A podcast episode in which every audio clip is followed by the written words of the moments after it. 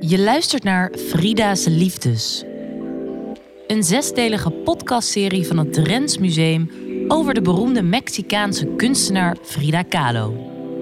Voor deze podcast ga ik, Katelijne Blok, kunsthistoricus en oprichter van het feministisch kunstplatform de Tiddy Mac, in gesprek met diverse gasten, die allemaal vanuit een eigen perspectief kijken naar de liefdes van Frida Kahlo.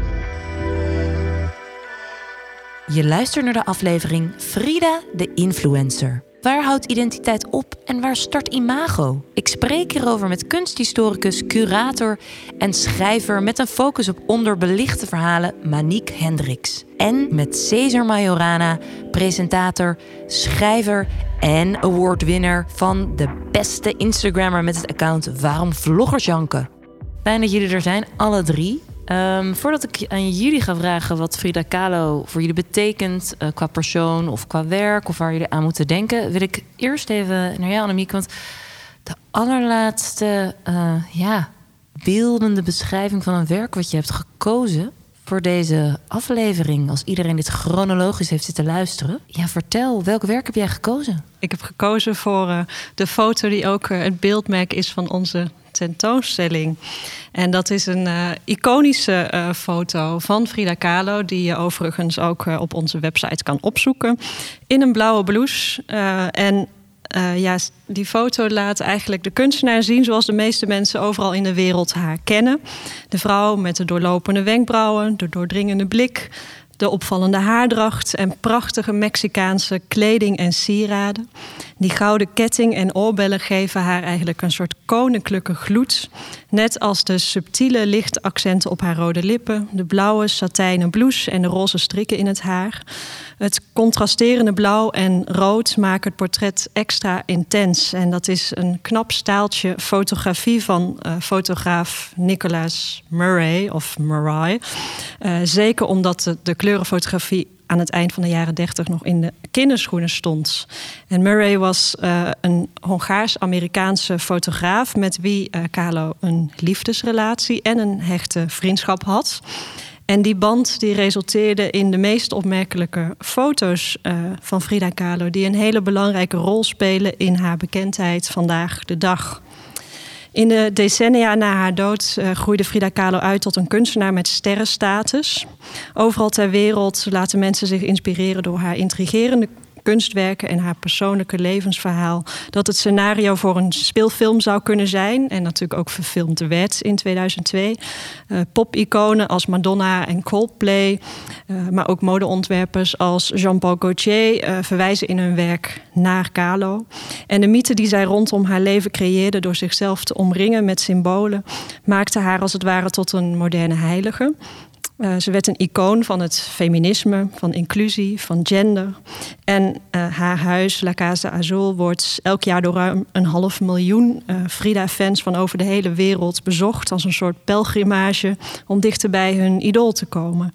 Haar beeldenis is te vinden op allerlei soorten memorabilia wereldwijd. Er is zelfs een woord voor die cultus, Frida Mania. En je zou kunnen zeggen dat Frida Kahlo met alles wat zij deed een merk neergezet had. Uh, dat veel verder ging dan haar kunst alleen. Haar unibrow, haar kleding, haar sieraden, haar make-up, haar haardracht waren onderdeel van de manier waarop zij zich naar buiten presenteerde. De traditionele Teoana-kleding fungeerde als een soort uniform in combinatie met haar opvallende uiterlijk. Tijdgenoten vertelden dat Kahlo met haar verschijning overal stof deed opwaaien. Natuurlijk schilderde zij haar zelfportretten uh, ook vanwege haar gezondheidssituatie. Ze bracht veel tijd door in bed en kon zichzelf dan via de spiegel uh, schilderen. Maar tegelijkertijd uh, hebben die zelfportretten samen met de vele foto's die ze van zichzelf liet maken, er ook voor gezorgd dat we haar persoon zo goed hebben leren kennen. Kahlo was in feite een influencer van la lettre. En haar imago heeft haar wereldberoemd gemaakt. Heeft ervoor gezorgd dat veel mensen kennis maken met haar kunst, die dat anders misschien niet zouden doen. En juist door vervolgens meer te vertellen over haar identiteit, ga je haar kunstwerken ook beter begrijpen. Dank je wel.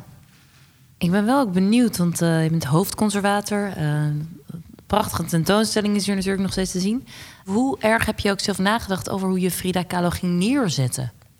Ja, daar is heel veel tijd in gaan zitten. Want je wil dat zo respectvol mogelijk doen. Hè? Omdat je haar kunst laat zien, maar ook haar levensverhaal. Die kun je niet los van elkaar zien. En daar zitten natuurlijk best wel heftige dingen tussen. Hè? Haar hele medische, uh, ja, medische hulpstukken, de corsetten, prothesebeen. Uh, dat zijn behoorlijk persoonlijke dingen die je laat zien. Dus je, je wil dat zo integer mogelijk doen. En tegelijkertijd zijn het allemaal facetten van haar levensverhaal, van haar kunst. Die, uh, ja, die haar beter, je leert het beter begrijpen als je dat volledige verhaal kent. Is dat, denk je, belangrijk om het vertellen van een verhaal, maar ook de kunst, om dat toch um, ja, om dat toe te voegen, soms aan de kunst zelf, aan een tentoonstelling of waar dan ook, galerie, musea, op welke plek het dan ook te zien is, offline of online? Absoluut uh, in het geval van Frida Kahlo, want leven en werk zijn met elkaar doorvlochten en die kun je niet los van elkaar laten zien, want dan snap je het werk minder goed en wat zij daarmee wilde zeggen.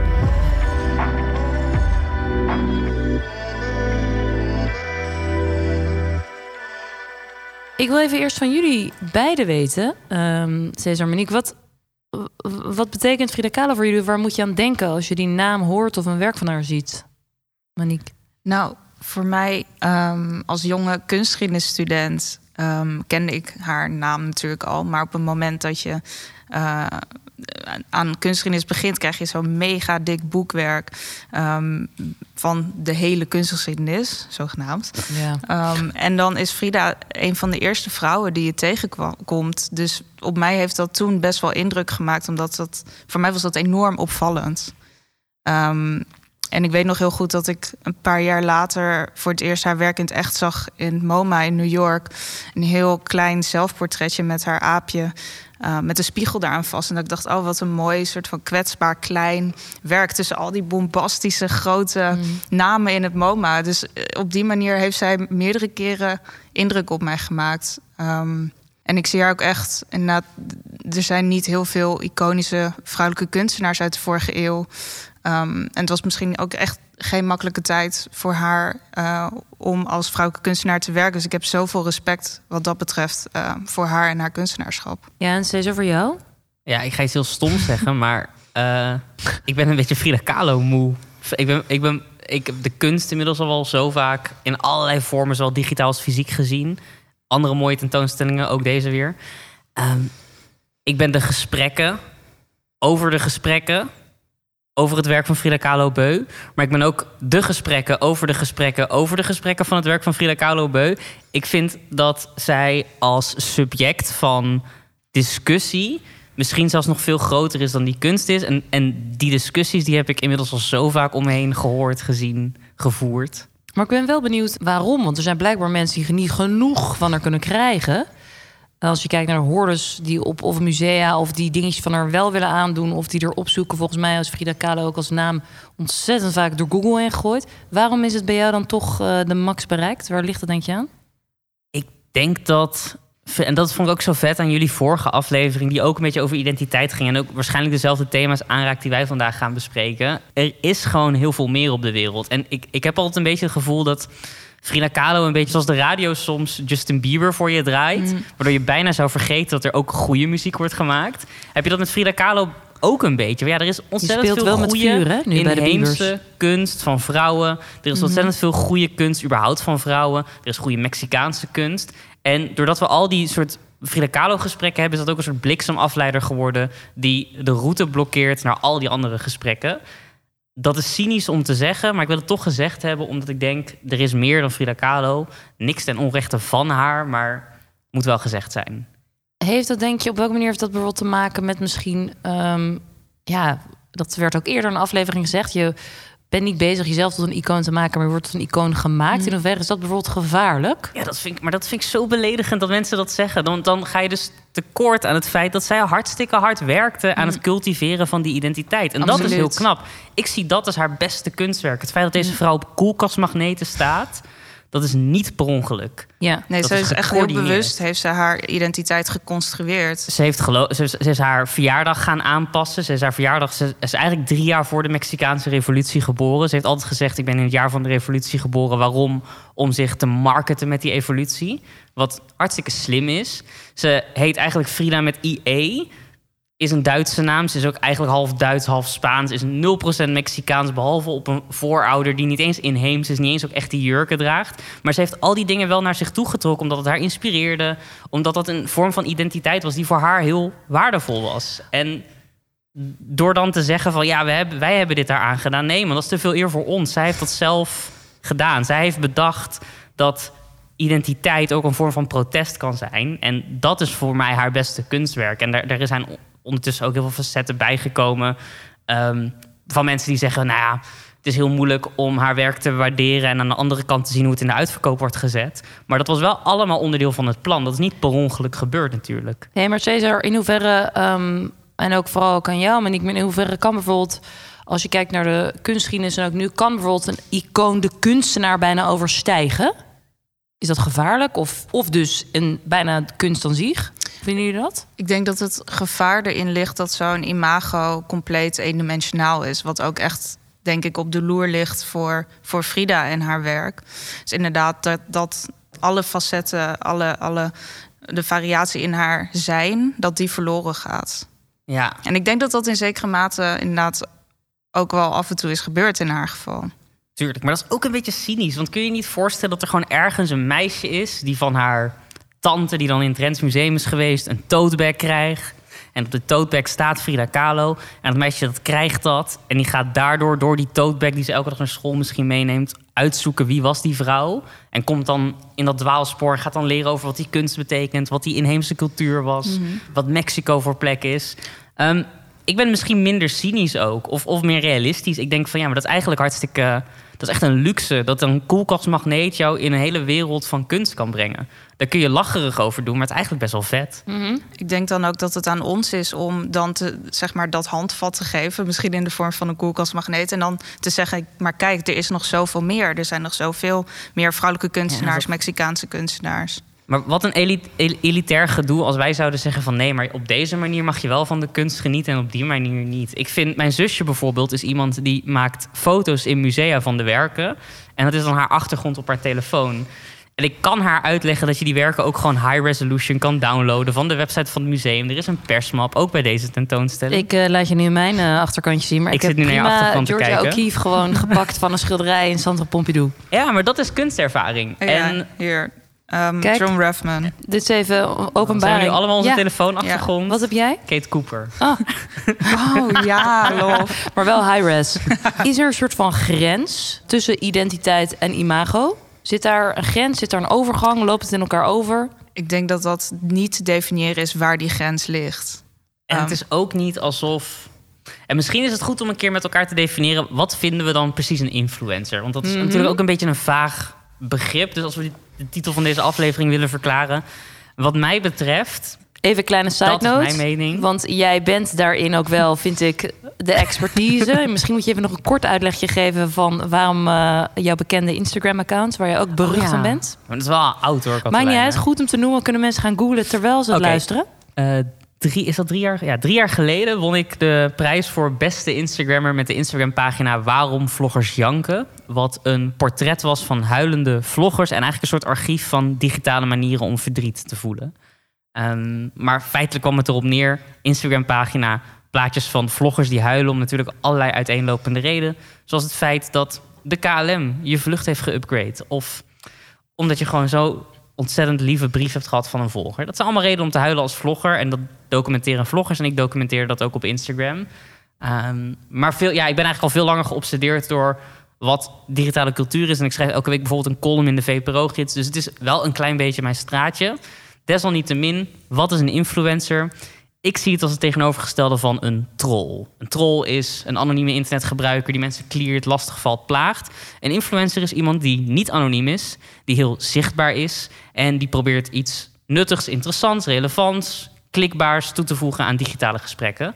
En de vraag is Frida Kahlo dan een influencer? Ja, wat mij betreft wel. Ze is een hartstikke slimme, slimme meid die haar eigen identiteit in allerlei compartimenten heeft gestopt die heel makkelijk te behappen zijn. Bam, een deel is Europese vrouw. Bam, een deel is de Mexicaanse inheemse vrouw. En al die verhalen heeft zij door te zijn wie ze is verteld. En dat maakt haar voor mij een influencer. En dan is het deel identiteit en het deel imago is heel diffuus. Waarom? Ook omdat die identiteit die is heel vloeibaar. Die verandert telkens per, per portret, zou je bijna kunnen zeggen. Waardoor ook heel vaak met deze kunst... het eerste wat ik denk is... ja, het maakt me niet zo heel erg uit wat jij erin... wat, wat, wat mensen erin zien. Maar vertel me wat je in Frida Kahlo's werk ziet... en ik vertel je wel wie je bent. Want het zegt zoveel over degene die kijkt. Maar jij bent ook, jij vindt influencer ook een positieve term, toch? Ja, er is, ik bedoel, dat is natuurlijk ook het ding. Mensen Ehm, doen er soms neerbuigend over. heeft bij niemand hier in Drenthe aangebeld om te zeggen: Hallo, mag ik jou komen vertellen over mijn eh, eh, inheemse identiteit? Of mag ik jou komen vertellen over hoe het is om een vrouw te zijn in een lichaam? En hoe het voelt als je lichaam een gevangenis is. Het is niemand aangesmeerd. En dat is ook het fijne aan influencerschap. Influencers produceren wat zij produceren. Dat is hun beroep. Maar ze bellen jou niet op om het je te vertellen. Dus je kan zelf kiezen of je daar wel of niet naar gaat kijken. Mhm. Of je daar wel of niet publiek voor wilt zijn. Maar, vind je influencer een positieve term? Ja, zeker. Als in, de influencer valt je niet lastig zoals de troll bijvoorbeeld dat wel doet. Nou, Monique, wat, eh, kan jij, eh, wat vind jij eh, van deze uiteenzetting van C's? Influencer, positieve term ten eerste? Ehm, ja, ik zou daar ook liever geen waardeoordeel aan willen hangen. Ehm, maar waar ik heel erg aan moest denken, in dit geval ook met de Kardashian-link, is dat Frida voor de camera-lens is opgegroeid. Eh, eh, dat er vanaf jonge leeftijd al zoveel foto's van haar zijn gemaakt.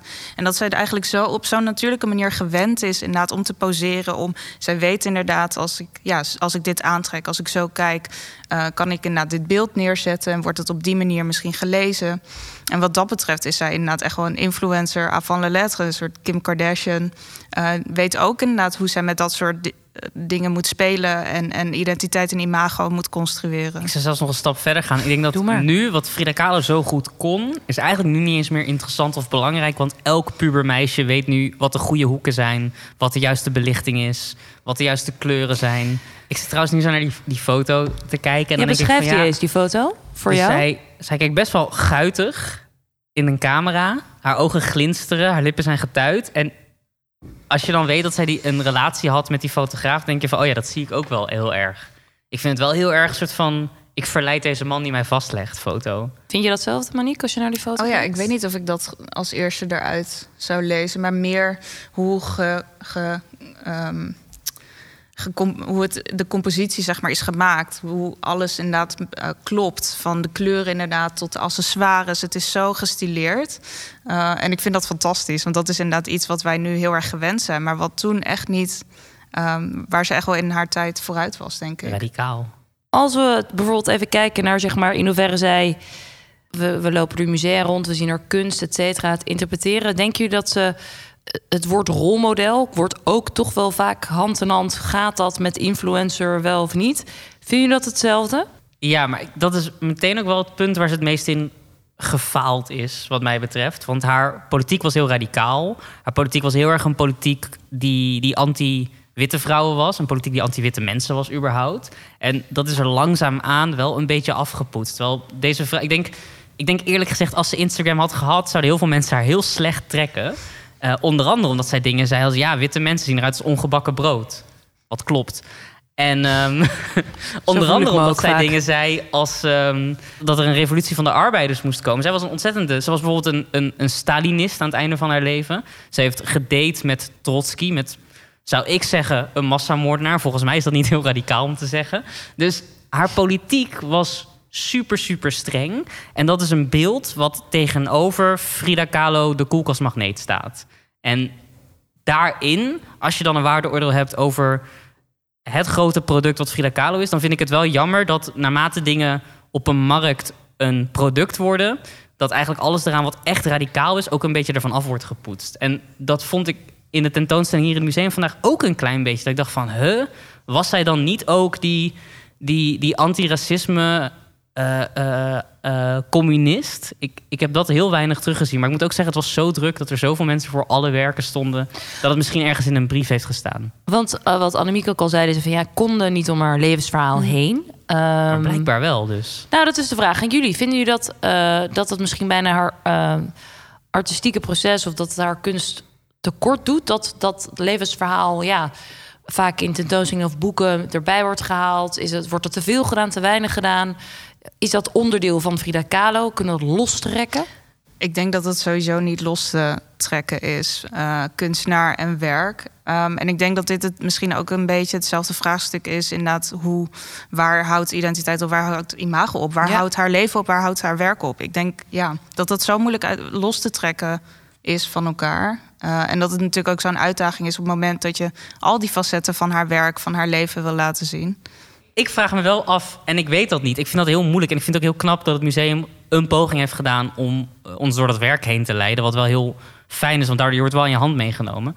Maar ik vind dat wel heel moeilijk voor iemand die zichzelf zo expliciet heeft uitgedrukt. Ga je dan daarin mee? Wil je dan ook het andere verhaal laten zien? Dat zijn best wel lastige vragen. Ja. En Absoluut. ik denk vaak bij vrouwen dat, want we doen het ook niet, we doen het ook niet bij Vincent van Gogh. We zeggen niet van, nou, dit is wat ze matties van hem vonden. We laten zijn brieven centraal staan, we laten zijn werk centraal staan. En daaromheen schetsen we een context. En ik heb het idee dat de pech van Frida Kahlo so- soms toch ook een beetje is dat zij nou eenmaal met zoveel invloedrijke kunstenaars is gegaan, geweest, samengekomen, waardoor haar verhaal ook het verhaal is geworden van wat allerlei mannen om haar heen hebben gedaan, gemaakt, gezegd. Maar jij zei net, we hadden het net over dat ze wel of niet bewust was. En eh, denk je niet dat ze daar bewust ook mee bezig was met wie ze zich liet omringen op dat moment? Of welke plekken ze bezocht of opzocht op dat moment? Ja, dat denk ik, eh, dat, dat denk ik zeker. Ja, ik denk dat dat een, een van de onderdelen was, inderdaad, om ehm, dat vorm te geven voor haar. Cesar? Ik heb daar niet echt een mening over, man. Ik weet, ik weet dat niet. Ik weet niet of ik daar, daar iets van vind. Dat, eh, dat is helemaal oké. Ja, nee, want- ook ja, ik, ken haar niet echt. Ik ken haar niet echt natuurlijk. En eh, ik ben ook maar gewoon een jongen die dat werk ziet en daar maar iets van voelt en vindt. Maar vind jij dat, ehm wat je zegt, we kennen haar niet echt. Eh, We hebben natuurlijk altijd met, als je denkt aan influencers, vloggers, YouTubers, whatever, dat mensen vaak denken, "Oh, ik heb echt het gevoel dat ik die persoon ken. Weet je, dat je denkt, ik kijk nu, ik heb een zwak voor Monica Geuze. Ik kijk nu naar Monica Geuze en ik sta daar bij naast die tosti in de keuken, bij wijze van. Denk je dat mensen dat kunnen hebben? Hebben jullie dat ook toch ergens misschien? Bij een Frida Kahlo, bij een kunstenaar die er niet meer is... die, die dus op verschillende manieren haar verhaal verteld wordt... in musea, boeken, et cetera. Denk je dat mensen dat ook zo'n gevoel bij haar kunnen hebben? Want ik ken deze vrouw. Ik denk dat dat echt wel een stuk lastiger is dan. Inderdaad, ik heb echt wel een tijdje gedacht dat ik de verloren Kardashian-zuster was. Omdat ik dacht dat ik alles over hun leven wist. Maar Snap dat is natuurlijk wel. eigenlijk ook niet zo. Dus dan in het geval van kunstenaars is dat ook echt niet zo. Nee. Maar het komt ook een beetje terug op dat punt van... oké, maar dat is de wens om eh, nabij te zijn... die moet je niet serieus nemen, want dan, dan, dan breek je de magie ook wel een beetje. Het is hetzelfde als bij een goocheltruc...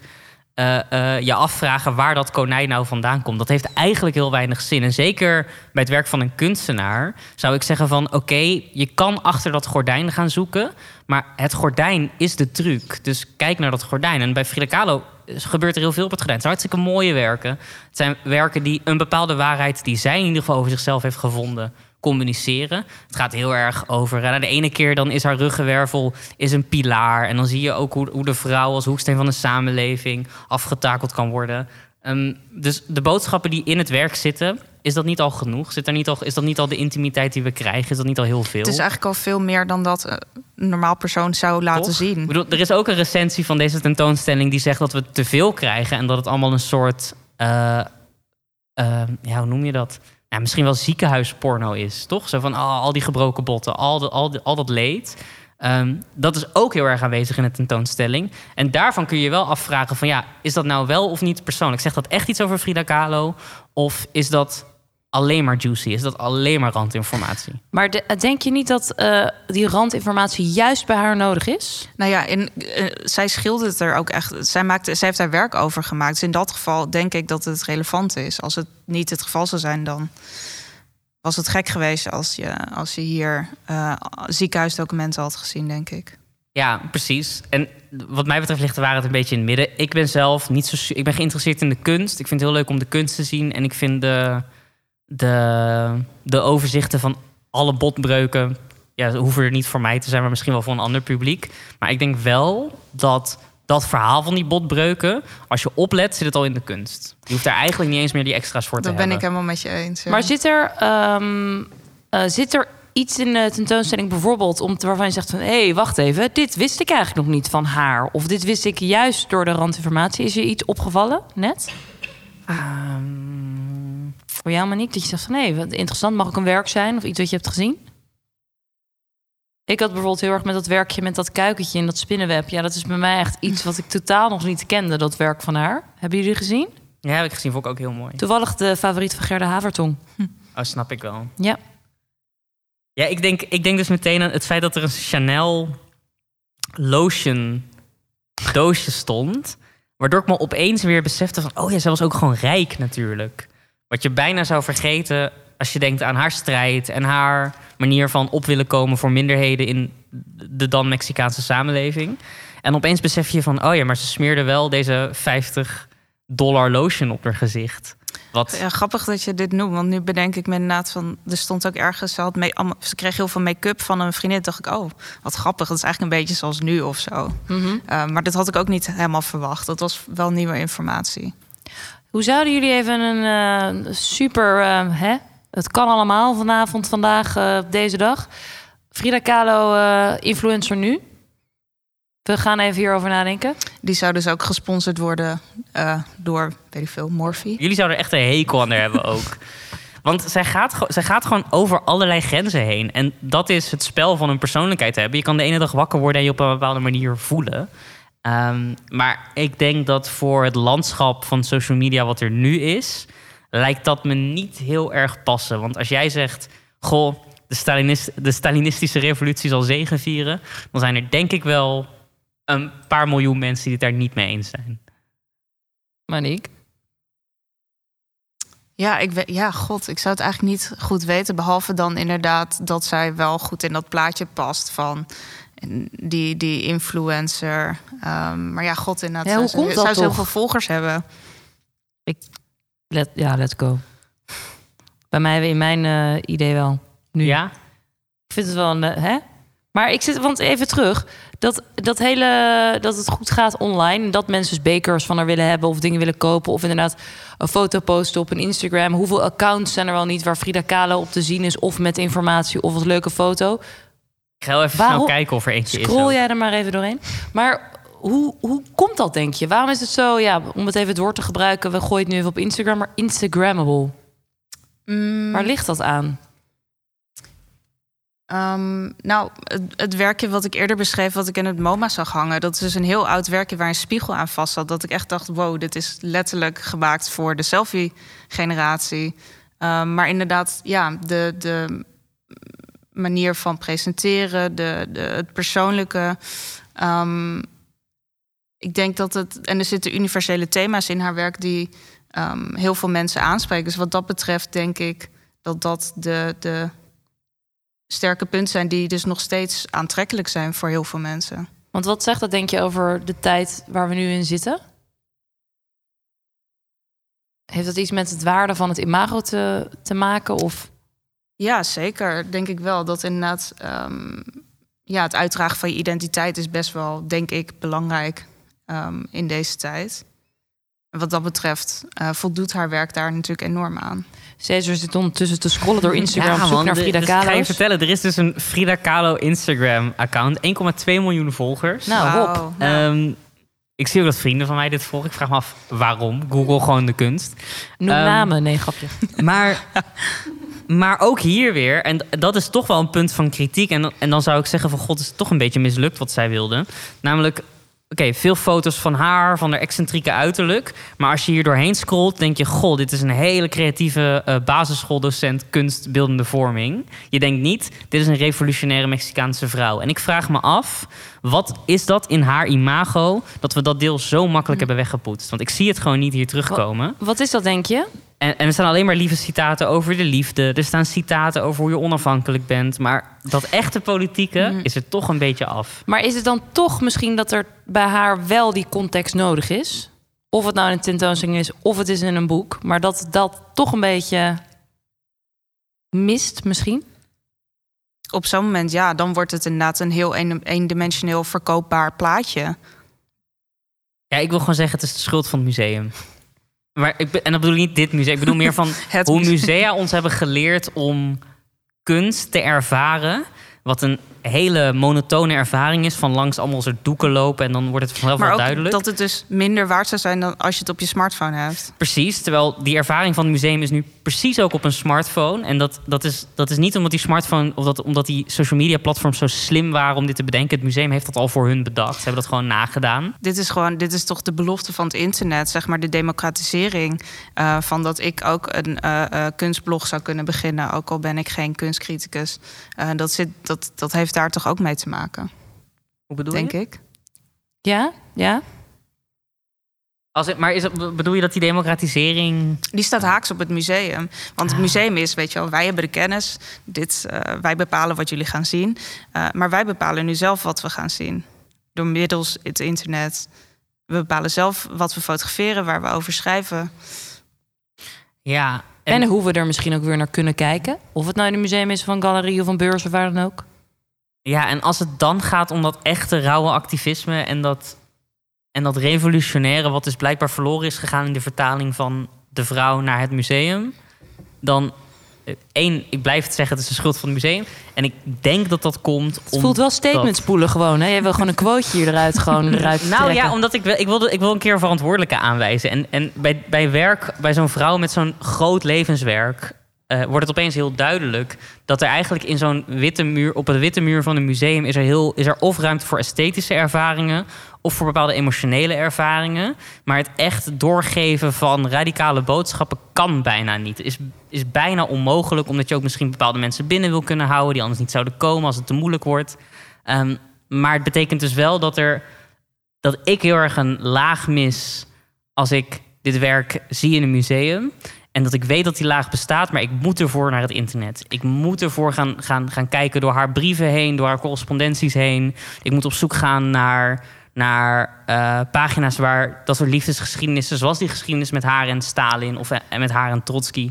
Maar zou Eh. dat ook niet komen omdat jij al dus meer kennis hebt? Dat je dat dan mist en dus al zo ziet? Dat misschien iemand die dat dan niet heeft en die dan daar staat... juist denkt, wauw, en misschien dan voor het eerst gaat zoeken? Precies, dat is de tote bag waar je het net over Ja. had. Ik hoop, ik hoop dat dat het tote bag effect. Ik hoop dat zelfs deze podcast dat tote bag effect heeft. Dat Want nu iemand googelt hetzelfde. Frida Kahlo Stalin. Ga maar op zoek naar, naar wat zij echt vond van hoe de wereld ervoor stond en hoe de wereld er nu voor staat. En het kuiken gevangen in het spinnenweb. En die, omdat die gewoon heel mooi is. En dan kun je hem instellen als achtergrond op je telefoon. Precies, en dan niet high resolution, maar gewoon lekker een screenshot maken... zoals Manique en ik hebben gedaan. Of, of hier het museum een foto ervan maken en als achtergrond. Precies. zo. Jongens, ik wil jullie bedanken. Nu al. Graag gedaan. Jij bedankt. Jullie bedankt. Ja, vet. eh, toch leuk om, om een keer wel dit gesprek te voeren op deze manier. Dankjewel. En ik wil eigenlijk toch nog vragen... als we nu Frida Kahlo een Instagram-account geven... ze eh, popt nu toch op eh, hoeveel miljoen volgers ga je er geven, Cesar? Kijk, sowieso zou ze een meme-account hebben. En zou ze gewoon de hele dag politiek... Ze zou bijvoorbeeld nu zou ze de persconferentie van, van in Nederland aan het filmen zijn... en allemaal snorretjes geplakt hebben op al die politici. Love dat. Ik doe vaak filtertjes eroverheen. Precies. Manique? Ehm, ja, goed. Ehm, Waarschijnlijk betaalde samenwerking met Chanel. Precies. Ik denk dat er heel veel make-up samenwerkingen en met modeontwerpers in zaten. Eh, en ik had het allemaal willen zien ook eigenlijk. Ja. En ik weet niet waarom, maar ik denk dat Cesar ook een, eh, een shoppingdate had geregeld voor zichzelf. Samen in Parijs dit weekend. Nou goed. Super bedankt allebei. Monique Hendricks, Cesar Majorana en natuurlijk Annemiek Rens. Ehm, ontzettend bedankt.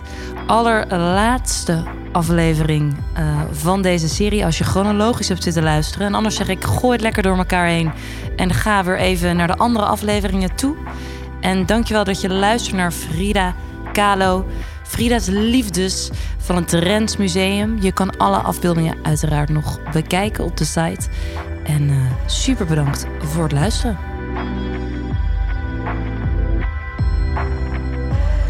Dankjewel voor het luisteren. Laat vooral weten wat je van deze aflevering vond.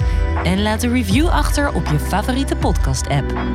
En je kan uiteraard natuurlijk nog Viva la Frida komen bekijken in het echt. Tot en met 27 maart 2022 hier in het Trends Museum.